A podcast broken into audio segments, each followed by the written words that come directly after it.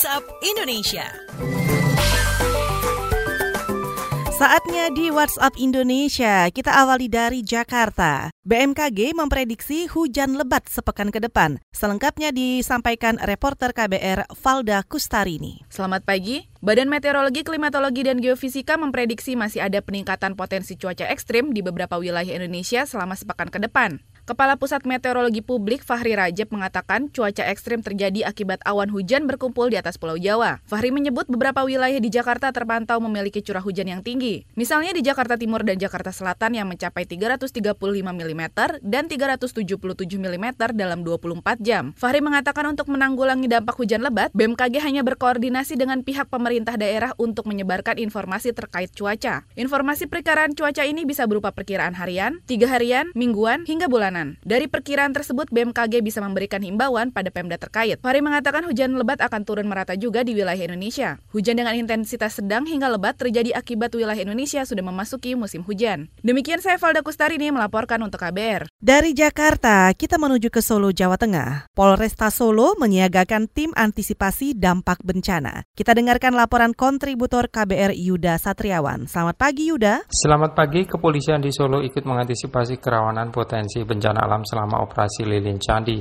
Wakapolresta Solo Iwan Saktiadi mengatakan kerawanan lalu lintas dan kriminalitas selama ini memang menjadi prioritas aparat keamanan. Namun menurut Iwan, selama beberapa hari ini Solo diguncang angin ribut, pohon bertumbangan hujan deras hingga air sungai yang meluber ke jalanan karena intensitas hujan yang sangat tinggi.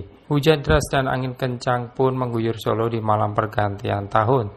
Tak hanya rumah warga yang atapnya rusak, banyak pepohonan yang roboh ataupun tumbang.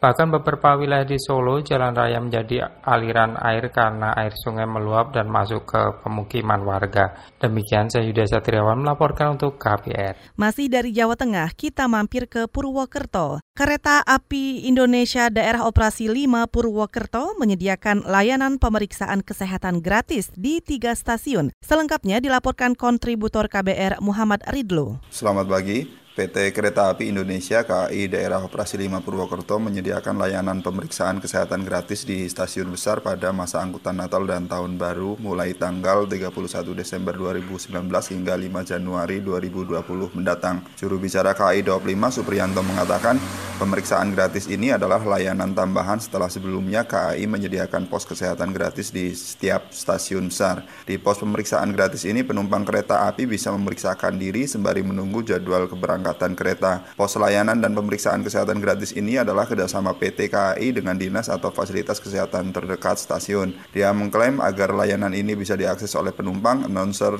stasiun secara berkala mengumumkan keberadaan pos layanan gratis dan mengimbau agar penumpang mengikuti layanan ini. Bekerjasama dengan Faskes pemerintah maupun swasta terdekat, KAI juga mendirikan klinik Mediska, yakni Faskes untuk penumpang yang butuh penanganan kesehatan lanjutan. Demikian saya Muhammad Ridho melaporkan untuk KB KBR.